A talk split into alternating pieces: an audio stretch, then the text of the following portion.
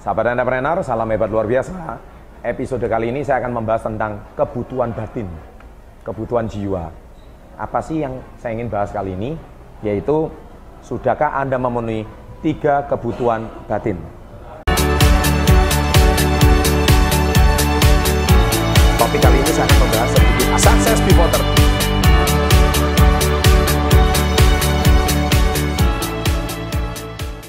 Nah baik, jadi kenapa kali ini saya mau bahas ini? Karena banyak sebelum saya lanjutkan video ini, ada baiknya Anda menonton video saya apa beda orang kaya dan orang sukses. Di video itu saya membahas tentang banyak sekali orang-orang yang sudah kaya raya tapi mereka tidak sukses. Karena orang sukses itu adalah orang dari 8 aspek kehidupan. Jadi mereka yang uh, sukses di bidang karir, sukses di bidang keluarga, sukses di bidang kesehatannya, sukses memiliki waktu yang banyak bersama keluarga, sukses di kehidupan spiritualnya dan bla bla bla dan sebagainya. Nah, jadi di uh, kesempatan kali ini saya akan membahas khususnya bagi Anda yang mungkin merasa jiwa Anda itu kosong, hampa, bingung, galau, Anda itu seperti bingung tujuan hidup itu Anda harus ngapain. Ini juga menghinggapi uh, dari kalangan anak muda, remaja, bahkan orang-orang yang sudah berumah tangga. Nah, jadi kesempatan kali ini ada tiga kebutuhan batin yang sebetulnya harus Anda cek. Semoga Anda tahu apa sih tiga kebutuhan batin ini. Yang pertama adalah, kebutuhan batin yang pertama adalah rasa dimiliki. Nah, apa maksudnya rasa dimiliki? Ada kata rasa di sini. Jadi kalau bicara rasa itu hubungannya sama perasaan. Nah, banyak manusia itu merasa dirinya itu tak pernah dimiliki. Dia tak pernah punya orang tua, dia yatim piatu, ya. Kemudian juga dia juga pengen dianggap eksis di antara teman-temannya. Sehingga kebutuhan uh, batinnya melompong. Karena dia tak, tak merasa dimiliki oleh siapa pun. Sama seperti orang yang punya karir yang sukses tapi pulang ke rumah nggak ada siapa-siapa. Kosong melompong. Ya jadi seperti hidup itu kayak nggak ada artinya. Rumahnya besar ya kan? Tapi sepi. Banyak orang merasa kesepian dalam hidupnya. Kenapa? Yaitu tadi saya katakan dia merasa tidak dimiliki ada orang juga ketika anak-anak muda ini paling banyak tapi dia berprestasi luar biasa, tetapi tidak diakui sama orang tuanya. Ya kan? Jadi dia tidak merasa dimiliki.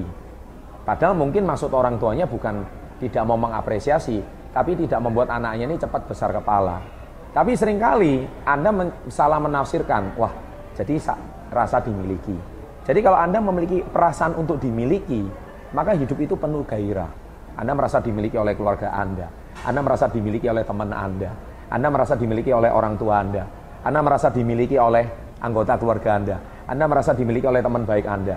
Nah, tapi kalau perasaan ini hilang, hidup itu seperti hampa. Nah, jadi ini Anda harus cek baik-baik. Apa yang dimaksud dengan perasaan yang dimiliki? Jadi rasa dimiliki ini yang paling penting. Kalau Anda punya merasa rasa dimiliki, maka saya hidup Anda akan lebih bermakna dan berarti. Nah, itu poin yang pertama. Poin yang kedua, kebutuhan batin yang kedua adalah rasa berguna. Nah, kita perhatikan kenapa zaman sekarang di sosial media kita lihat banyak anak-anak muda, mereka eksis, mereka disebut generasi alay, generasi micin, generasi lebay. Karena dengan mereka eksis di sosial media, mereka merasa dirinya sangat berguna. Mereka menganggap dirinya itu menjadi sesuatu yang sangat, uh, apalagi kalau di like, diberikan komen sama teman-temannya, wah dia langsung merasa seperti dapat endorfin, seperti dapat suatu apresiasi yang luar biasa karena dia merasa berguna. Apalagi kalau karyanya dia itu uh, diapresiasi orang lain, wah itu, itu luar biasa. Nah banyak orang yang merasa gagal, yang merasa hampa di hidupnya karena dia sudah merasa lagi tidak berguna. Bahkan kenapa banyak orang mengucilkan diri sendiri di kamar, dia tidak tahu, tak mau berlagi sosialisasi sama teman karena dia merasa tak berguna. Nah banyak orang sudah merasa dirinya tak berguna. Ketika seseorang sudah merasa dirinya tak berguna, ini yang paling fatal dan bahaya. Karena orang ini mendekati apa? Larinya cenderungnya ke depresi. Kalau larinya ke depresi, dia konsultasi sama psikolog, ya kan? Kalau nanti psikolog nggak nggak nolong, dia harus lari ke psikiater. Nah, zaman sekarang banyak orang itu uh, tak berani tampil uh, di dunia nyata, disuruh maju di depan panggung nggak percaya diri, nggak deh, ya disuruh di kalayak orang ramai dia nggak mau eksis.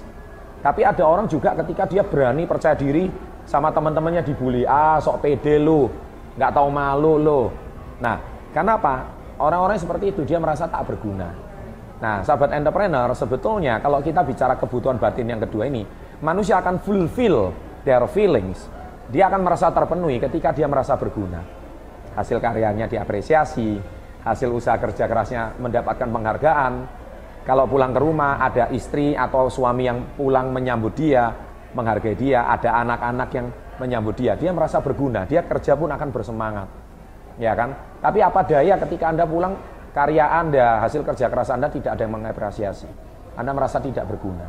Nah, ini penting sekali. Jadi apakah kebutuhan batin Anda sudah terpenuhi? Makanya kenapa banyak rumah tangga malam hari oh cicat-cicat rame. Bermakna rumah tangganya ini lagi bermasalah. Rumah tangganya ini uh, tak bahagia, rumah tangganya nggak harmonis. Kenapa rumah tangganya nggak harmonis? Karena suami istri tidak terjalin komunikasi yang baik. Ketika tidak terjalin komunikasi yang baik, salah satu sudah merasa tidak berguna. Ketika suami, uh, Anda juga harus tonton video saya lima bahasa kasih. Apa sih bahasa kasihnya suami Anda?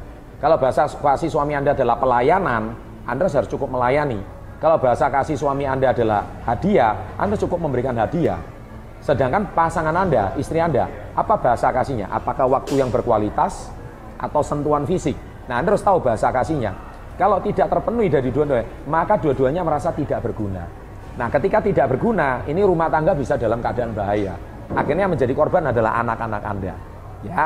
Nah, kebutuhan batin yang ketiga adalah rasa berharga. Nah, jadi bicara soal rasa berharga, maka sahabat entrepreneur banyak orang merasa tidak dihargai. Ya kan? Sama, kembali lagi ke bahasa kasih. Ada orang yang bahasa kasihnya penghargaan, yaitu kata-kata pendukung, kata-kata pujian. Tetapi ini khususnya di dalam rumah tangga. Ketika Anda hari ini suami Anda sudah bekerja keras, Anda harus mengapresiasi. Contoh, istri Anda hari ini sudah melahirkan anak tiga. Dulu mungkin bodinya masih kecil, 45 kilo. Tapi setelah melahirkan anak sekarang 60 kilo. Tapi suami nggak sensitif, suami nggak memuji dia. Padahal istrinya berusaha keras untuk menurunkan berat badan, tapi Anda nggak pernah apresiasi. Anda harusnya apresiasi, ngomong, wow, Anda sudah berjuang keras. I'm a proud husband. Saya ini adalah suami yang bangga. Nah, kita orang timur jarang memberikan pujian seperti ini pada pasangan kita. Padahal itu adalah salah satu kebutuhan batin yang harus dimiliki oleh pasangan. Begitu juga orang tua sama anak. Anda jarang memuji sama anak. Padahal anak itu butuh pujian. Mungkin Anda lebih sering, sering memarahi anak gitu. Nah, anak juga sama. Anda jarang berterima kasih sama orang tua. Padahal orang tua sudah susah payah mencari nafkah. Tapi orang tua pun juga butuh kebutuhan berharga. Kenapa? Dia rela bekerja pagi siang malam hanya untuk menafkahi Anda. Bahkan dia nggak punya waktu untuk diri sendiri. Nah, tetapi sebagai seorang anak jarang memberikan apresiasi sama orang tua. Nah, sahabat entrepreneur, sama juga kalau Anda di kantor.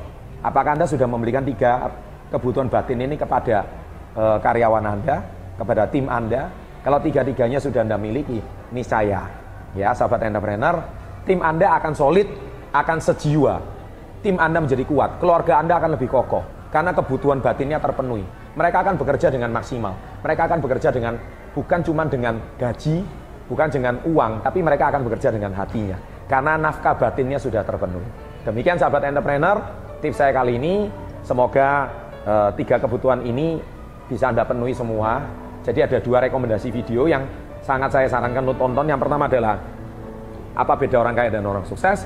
Yang kedua adalah lima bahasa kasih. Dua video ini Anda tonton baik-baik, Anda akan memahami apa maksud daripada uh, channel saya kali ini, episode kali ini yaitu tiga kebutuhan batin. Bila Anda menyukai channel seperti ini, jangan lupa berikan like Anda, berikan komentar-komentar Anda semuanya di bawah, dan jangan lupa subscribe serta lonceng di sebelah kanan setiap ada video baru dan ada dua video di sini silakan Anda tonton.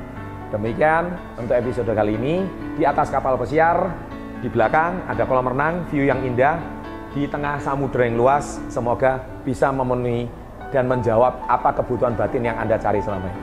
Sukses untuk Anda, senang sekali berbagi pada Anda. Salam hebat luar biasa.